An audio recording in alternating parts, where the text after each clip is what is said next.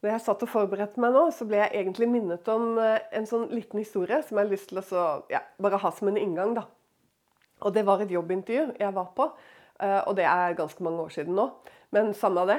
Eh, I hvert fall så, så ble det veldig sånn spennende plutselig. Fordi de satt med CV-en min, og det var tre si, høye herrer som satt der. og Så sitter den ene med CV-en min, og bare, så er det litt stille og liksom pause. Han sitter tydelig da og leser liksom nøye gjennom CV-en min. liksom.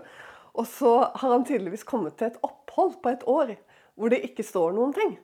Og Nå husker ikke jeg hva det var med det året, eller noen ting, da, men det ser jo ikke bra ut på en CV. sant? Da skal jo alt være sånn, sånn på rams. og Det skal ikke være noen, skal ikke være noen brudd der. Men det var det, da. Og, og så sier han liksom årstallene, da. Og så ser han på meg, så sier han 'Hva gjorde du da?' sier han. Og da blir jeg helt sånn der matt. For det, jeg, husker ikke nå om jeg ikke husket det, eller om det var et sånn sløve år i livet mitt, eller hva det var. Jeg husker ikke det nå. Men jeg husker bare følelsen og liksom det derre bruddet. Og han ser på meg, og de andre ser på meg og venter at jeg skal si noe fornuftig. Men så plutselig så sier han som sitter med deg, så bare legger han det ned, og så ser han liksom veldig sånn på meg. Og så sier han For dette her var jo kristne folk. Og så, han, så sier han øh, Jeg har egentlig lyst til å si navnet hans, bare sånn for å ære han litt. For jeg kommer aldri til å egentlig glemme han for akkurat dette. Det er Ragnar Sjøli. Og så legger han ned, så, sier, så ser han på meg, så sier han Nå var det du ble frelst, Eva. Sånn. Og, og så sa jeg 1990. Ja, men da har jo ikke dette her Da har jo ikke dette noen betydning, sånn. Og, jeg ble så glad. Altså. Og, og, samtidig så var det jo utrolig rett. Fordi jeg søkte sant, på en stilling i, i PIM den, den, gangen. Og det er Pinsemenighetenes ytre misjon.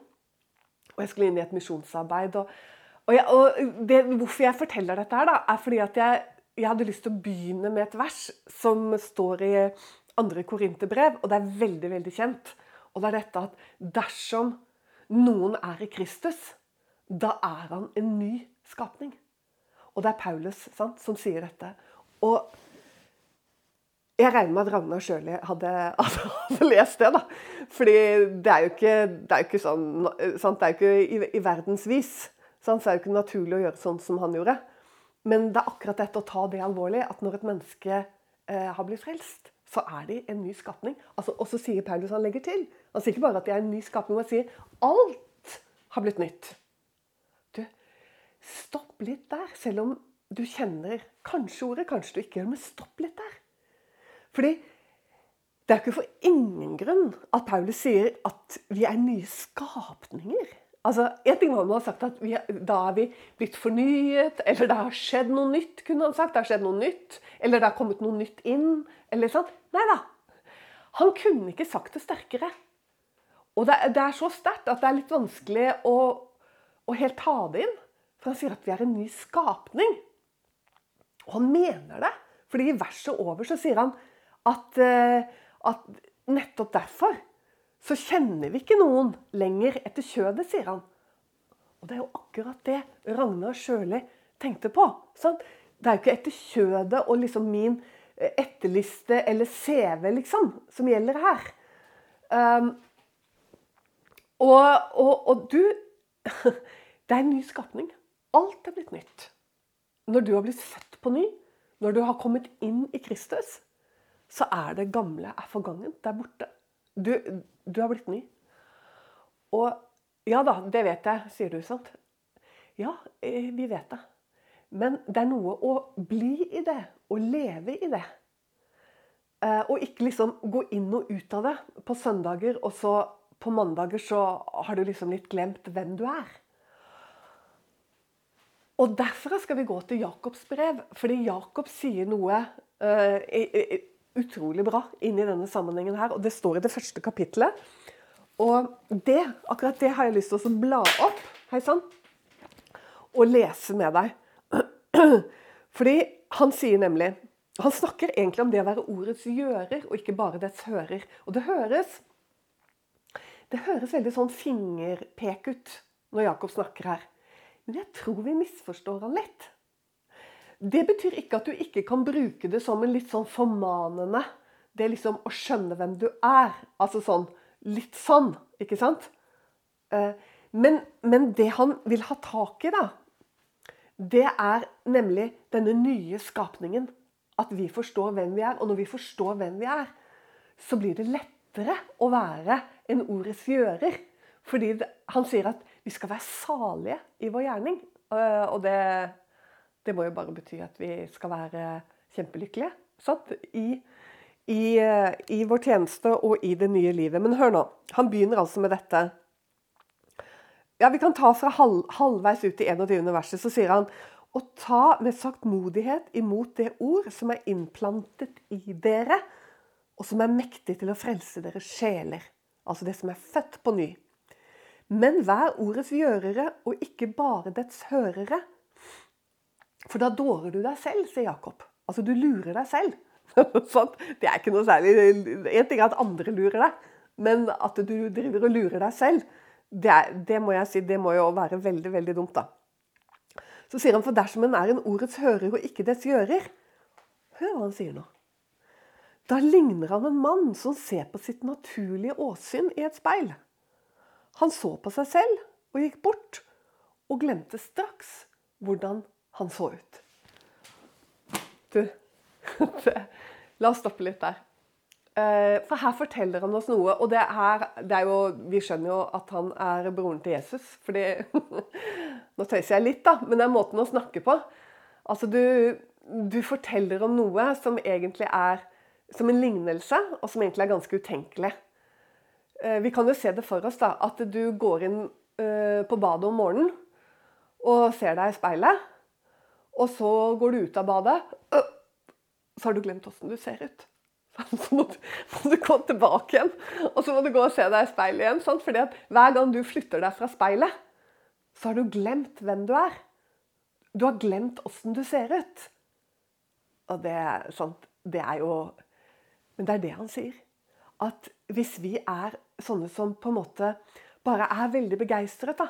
Kommer på møte, sitter der og hører. Og det er fint, og det er flott, og vi blir veldig begeistret. Og så sier han at Men hvis livet vårt sant, ikke, ikke, er preget av det vi hører, altså at det ord som blir innplantet i oss, ikke får lov på en måte å få rom, så er, så er, vi faktisk som en sånn person.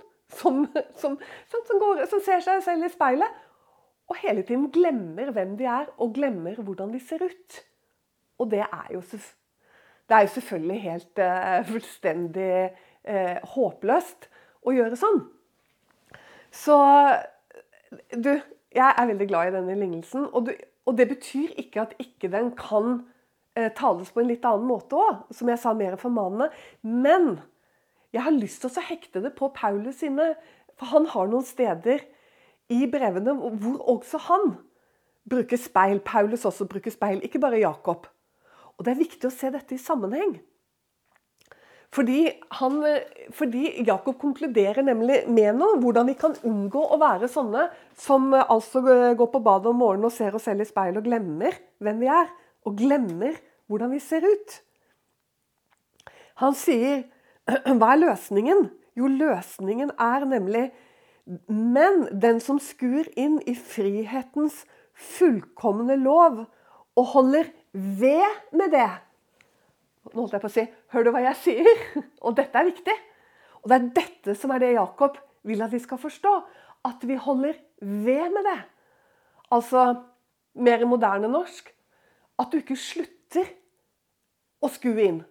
Altså du lever i å skue inn. Du vet, altså Din identitet i Kristus som en ny skapning, den skal være sterk i livet ditt. Du må holde på med det.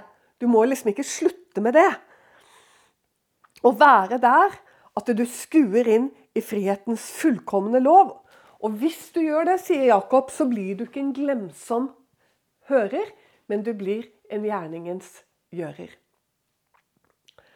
Jeg har fortalt før om eh, min eh, Jeg skal kalle henne for åndelig mamma. For det blir liksom litt sånn det var liksom ikke helt sånn heller. Vi var egentlig bestevenner fra det øyeblikket vi traff hverandre.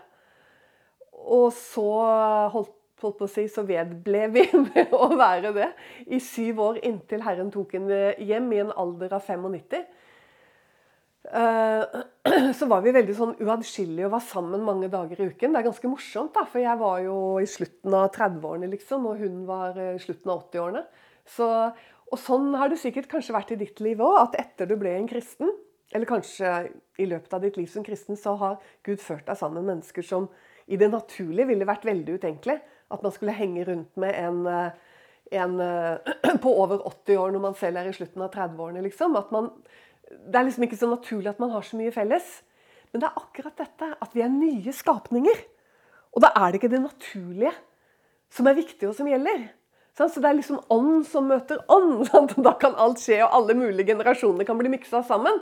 Og jeg har alltid tenkt det sånn også at eh, Det er jo kjempegreit at ungdommer har sine ungdomsmøter, og sånn, men det er jo kjempesnålt hvis ikke det er sånn at alle generasjonene er sammen og priser Jesus. Fordi det er liksom ikke noe Akkurat som det ikke er noe mann eller kvinne i Kristus, så er det jo generasjoner er også egentlig veldig sånn uinteressant, faktisk. Og det fikk jeg til de grader erfare uh, når jeg traff henne. For vi var jo bare, det var jo bare full match. Og hun var en sånn Og det vil jeg påstå. Altså sånn, Jeg må nesten gå til Bibelen for å finne noen karakterer som jeg, som jeg mer kan tenke at hadde skjønt dette her med å være en ny skapning. Og, og samtidig så var hun så utrolig naturlig og enkel. Eh, det var liksom ikke noe sånn eh, hva skal jeg si, Det var ikke noe oppblåst ved henne, det var ikke noe unaturlig med henne. Det var liksom ikke noe sånn eh, sant? Fordi at Gud gjør oss aldri sånn. Liksom Et menneske som er i Kristus, blir jo bare mer og mer 100% sunn og naturlig og ekte og til stede. Og sånn var hun. Og Derfor så var hun så utrolig elskelig. Og så var hun kjempenøysom. Det er det mest nøysomme kristne. Hun er den mest nøysomme kristne jeg noen gang har truffet, og som jeg tror jeg noen gang vil treffe. Og du vet, Før jeg ble kristen og jeg hørte ordet nøysomhet og kristen, sånn, så forbandt jeg det med veldig sånn streng. Sant? Det er litt sånn strengt. liksom, Her er det knapt, og her unner vi oss ingenting. og sånn. Men hun var, hun strålte sånt. Hun var så Hun hadde sånn humør. Og selv om hun også kunne ha sine dårlige dager. altså Hun var jo menneske. Og det er jo det sant? Det var liksom ikke noe sånn Det er ikke det jeg mener. Men hun hadde den derre barnekårets ånd som var bare helt eh, Ja, det var virkelig en duft av liv, altså. Men hun var nøysom. Og, og liksom, hjemme hos henne så var det sånn, det var tre-fire kniver i skuffen. Hun bodde i sånn liten sånn ettroms leilighet. Og det var liksom, det var ingenting ekstra av noen ting. Alle klærne var liksom sydd. Fordi de trøyer og forskjellige uh, gensere og, og, sokker og alt sånt Det var jo fra kjøpt inn kanskje i 1960. Det, hun, hun, hun, hadde blant annet, Jeg husker jeg kom til henne en gang hun satt på, satt på trappen utenfor der hun bodde. Og med frakken sin. og satt, og, satt sikkert der og ba og solte seg litt. og sånn. Så hadde hun solbriller, og de hadde jeg virkelig aldri sett før. Og, og det var sånn lilla glass i det, og så var det plastret. Det er bare Torborg som har eh, solbriller som er plastret på den ene siden. Sant? Hvem av oss ville ikke da bare kjapt pælmet de og, oss, og kjøpt oss et par nye briller, liksom? Og så kan du si ja, men kjære vene, hvorfor skal du være Men altså, det var, hun, var bare, hun var bare den hun var i Kristus. Og hun var, ikke, var overhodet ikke opptatt av det materielle. Hun var virkelig ikke opptatt av det. Å, for et forbilde. Og jeg tenker litt trist også. Så annerledes enn der vi er i dag. Sånn? Og jeg er sikker på Det var ikke bare hun som sikkert var sånn. Er sikkert mange av dem. Og jeg har truffet absolutt noen av de eldre i menigheten jeg gikk i Berøa i Oslo før. Noen av de lignet jo veldig på henne. Sånn at, eh, sånn at det er noe som holder på å gå tapt her. Og hva er det for noe? Er det en strenghet som holder på å gå tapt? Ja, jeg tipper at det kan være en strenghet også hos noen, hvor det ble religiøst. At det var egentlig ikke det var ikke et liv, et levende liv. Men det er ikke det vi snakker om nå. Vi snakker om de som har blitt nye skapninger. Der hvor det er levende liv, så er det noe som har gått veldig tapt. Og det handler om det må jo være kjærlighet til verden og denne verdens ting. Og fokus på det som er nå. Og ikke minst en forkynnelse som er veldig sånn fokus på liksom, vellykkethet i verden og sånne ting. Som vi har hatt i mange år. Som jeg tror sikkert begynner å, å skifte nå i den tiden vi lever i. Det tror jeg. Jeg, tror at, jeg håper det. Sant? At det er på vei. Det er, I hvert fall i mange sammenhenger så tror jeg det. At det kommer Og det må det. Altså, det må skje. Hvis ikke så, sant, så er vi jo bare på en sklikurs som fortsetter. Men for meg da, så er hun eh, bare det liksom, Å få lov å ha med meg det bildet sant, av henne og, og, og, den, og takknemligheten til at Gud førte meg sammen med henne. Og, og, jeg må si hun er virkelig et forbilde. Virkelig. Og jeg vil alltid huske henne der hun lå liksom som mor Åse oppi sengen hennes. Siden der i de siste årene hun levde, hvor hun blitt så svak til bens. Og så hadde hun alle disse snorene oppi sengen. Og det var så forunderlig. Når, jeg liksom så, når hun dro i den ene snoren, så kom det en kasse ut. Hvor hun hadde sokkene sine, og så dro hun inn en annen snor. Og så, ja, Det går ikke an å forklare. Hun var, hun, var, hun var, noe for seg selv. Og hun var virkelig en ny skapning i Kristus Jesus. Så dere, det med speilet La oss gå videre til Paulus. For det er jo dette, vet du, hun sa nemlig bestandig til meg. Særlig hvis jeg kom med noe problem, noe som var litt vanskelig, så var det alltid det samme. Noen ganger så irriterte det meg litt, for jeg tror ikke helt jeg hadde fått med meg dybden i det. Og det var bare se på Jesus. Jeg, altså. Bare se på Jesus. Uansett hva det var. Bare se på Jesus. Du og meg, altså hvor viktig. Bare se på Jesus. For det er dette å se inn i frihetens fullkomne lov. Se inn i Kristus. Skue inn i Kristus. Han er din identitet. En dag skal du bli Paulus sier en dag skal vi, skal vi bli likedannet til dette bildet. Altså det skal skje fullkomment. At vi blir likedannet med Han. Og er det noe bedre da enn å fortsette å skue inn, som Jakob sa, eller som Paulus sier, og nå skal vi gå dit, for det er Det står nemlig i andre Korinterbrev, nå skal jeg finne det. Og det står i det, det, står i det, i det tredje kapitlet og det 18. verset. så står det og hør nå. Men vi som med utildekket åsyn skuer Herrens herlighet som i et speil. Her har du det speilet Jakob snakket om. Som i et speil. Vi blir alle forvandlet til det samme bildet, fra herlighet til herlighet, som av Herrens ånd. Og du, i en tid, i de siste dager sant? så gir Jesus et råd til menigheten som lever i de siste dager. At når disse tingene begynner å skje, da retter dere opp. Han, han, han, ser for oss litt sånn, sant? fordi det er vanskelige tider. Det er vonde tider. Og hvem kan ikke kjenne smerten av lovløsheten? Som Peter fortalte om, sant? At, de, som, som på, at det skal bli som på Lots tid. ikke sant? Som Sodoma. Og da, og da sier Peter at Lot led ikke sant? i sin rettferdige sjel. Og så, og så sier han at sam, dette, dette, skal skje igjen. Dette kommer i de siste dager.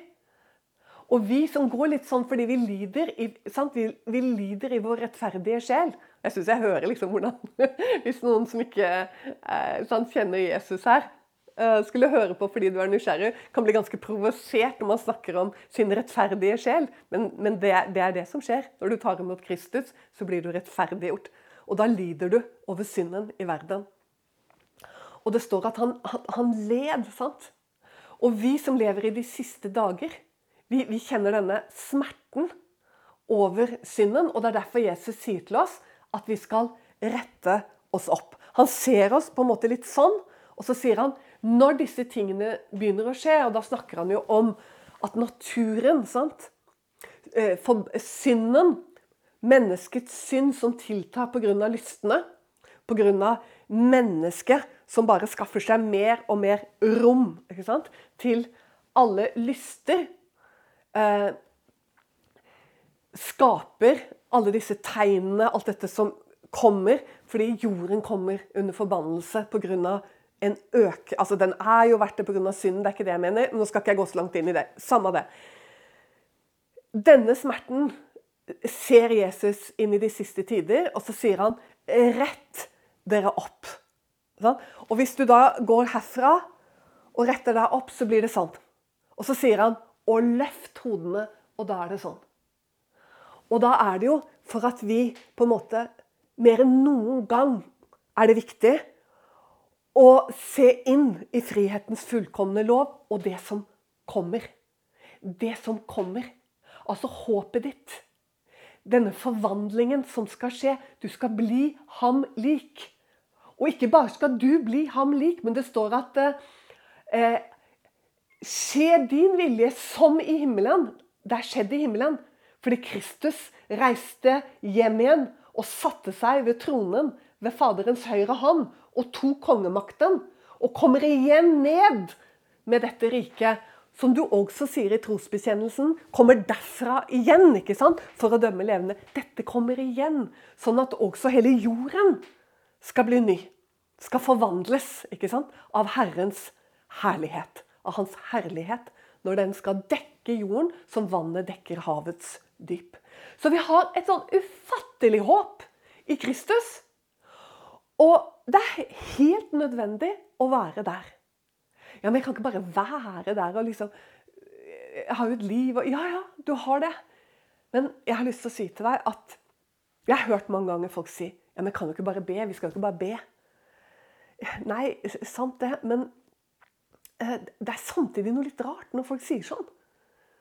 Fordi du skjønner at Hvis ikke du er der sant? og skuer inn og vedblir med det, og blir fylt av Den hellige ånd, så, så, er det ingenting som kommer til å fungere. Altså virkelig ingenting. Du kan ikke gjøre noe uten meg, sa Jesus. Og hør nå, og det er da du kan begynne å gjøre noe. Fordi det er når du liksom Når du er i Kristus, bevisst hvem du er i Han, lever i å og skuer inn, det er da du også kan leve ditt kristenliv. Sant? Og det skal jo leves utenfor menighetens dører. Og når Jakob sa det der, om at eh, hvis vi er sånne som at det blir vanskelig å leve kristenlivet, liksom, og, og gjøre det Bibelen faktisk har bedt oss om, sant? og ikke gå på tvers av Guds ord med livet vårt, da. Så, så, sier han at da ligner vi sånne som på en måte er Vi er, vi er, vi er liksom vendt mot oss selv og det kjødet og verden og sant? I stedet for at vi skur inn. Og at, vi, at håpet og det som kommer, er det som er viktig. At det er der. Det er det som er livet mitt. Paulus han, han, han sa så mye bra. Han sa jo det. Dere er jo døde. Altså, det er jo uhørt. Han sa jo det. Dere er jo døde, og deres liv ikke sant? som er skjult med Kristus. Og i Kolossebrevet så sier han søk ikke det som er her nede, men det som er der oppe, hvor deres liv er. Så, og det er jo det Jesus sier. Det er jo derfor vi må løfte hodet sånn. For det er jo der livet vårt er. Ja. Dette, eh, dette kommer jo to ganger eh, hos, eh, hos, Paulus. Eh, kanskje aller mest kjent det jeg tok fra 2. Korinterbrev 3,18. Men det kommer jo faktisk også et annet sted hvor han snakker om om det i forhold til Moses. Og nå, Det er i Korinterbrevet, det også, og du finner det. Og Der snakker han nemlig om at Moses han, sant, han var jo innenfor, innenfor, Gud på en måte som Ja, altså det, det, Å lese om hans liv og, stadig om igjen, det er virkelig en påminnelse. Og det står det at når han hadde vært sammen med Gud, enten i sammenkomstens telt, men første gangen han kom ned fra Sinai, og hadde vært med Gud i 40 dager der oppe, så står det at ansiktet hans strålte. Det skinte. Sånn at Israels barn, folket hans, turte ikke å se på ham fordi det skinte sånn. Det er ganske fantastisk. Så er det noe underlig med dette her. For det står Du kan lese de andre Mosebok, jeg mener det er 34. kapittel, men du finner det. Det står nemlig at han la et dekke over ansiktet sitt. Og så tok han dekket vekk når han gikk inn i sammenkomstens telt for å være sammen med Herren. så tok han det bort igjen. Men når han kom ut sant, og var, gikk iblant dem, så gikk, så gikk altså Moses med et dekke. Altså, Han gikk med en slags eh, burka. Det, vi, vi, vi det er disse tingene vi fort kan glemme. da. Han gikk rundt med et, rett og slett en slags uh, burka. Et dekke. et eller annet. Han kunne se ut, men eh, de så ikke ansiktet hans. Og Så tok han det av når han gikk inn og var sammen med Herren. Og Så sier Paulus noe om dette. Han sier nemlig at, eh, at det var den gamle. Og, og, hvorfor, altså sier Paulus noe om hvorfor han la dette dekke her. At Israels barn ikke skulle se enden på det, liksom. På det som forsvinner. Men det som forsvinner tenk, Jeg tenker da liksom at vi, Kanskje vi misforstår Paulus her litt. fordi at dette, denne herligheten er jo ikke noe som forsvinner. Altså, det er jo ikke sånn at det er en ny Gud og en ny herlighet. Denne herligheten forsvinner jo ikke. Men, men det er noe med at den herligheten, at den skulle bli iblant oss, det kostet Jesus hans liv. Det kostet korset. Det kostet blodet. Men det er det som gjelder nå. Sant? At denne herlighet har blitt tilgjengelig. Og derfor så dekket han det. Han dekket over det. Fordi at det var det. Sant? Det er det som det er dette her som kommer sånn, tenker jeg. da, At det er ingen annen fornuftig måte for meg å forstå det. Og Derfor så var det et dekke. Pga. at Kristus hadde ennå ikke dødd på korset. Men så revnet jo, står det, eh, dekket som gikk inn til det aller helligste i tempelet. Der var det jo et forheng ikke sant, som bilde på forhenget som var innenfor Guds herlighet der inne hvor han bodde så står det at det var et forheng. Og når Kristus ropte 'det er fullbrakt på korset', så revnet dette eh, teppet inn til det aller helligste. Det kan du lese i, eh, i evangeliet, i påskeevangeliet om Jesu lidelse og død. At dette renner. Og det er, det er dette jeg mener. Og som jeg, og som jeg også tror Paulus mener. Sant? Og som en påminnelse av hva, av hva vi faktisk lever i og hva som er tilgjengelig for oss. Den gangen måtte Moses legge et dekke over seg.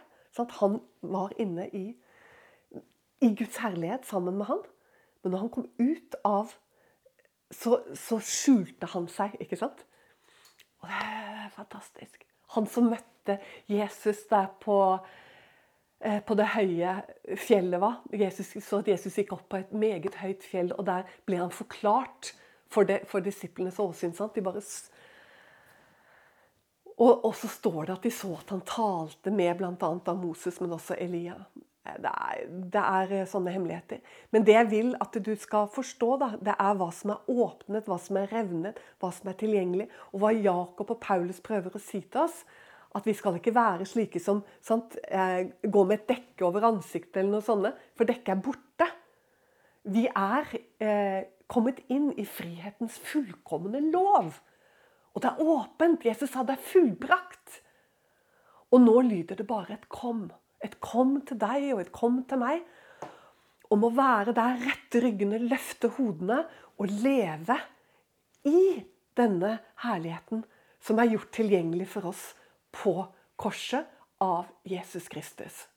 Så dette var egentlig de ordene jeg hadde lyst til å dele med deg i dag. Og så gjenstår det bare å si Gud velsigne deg.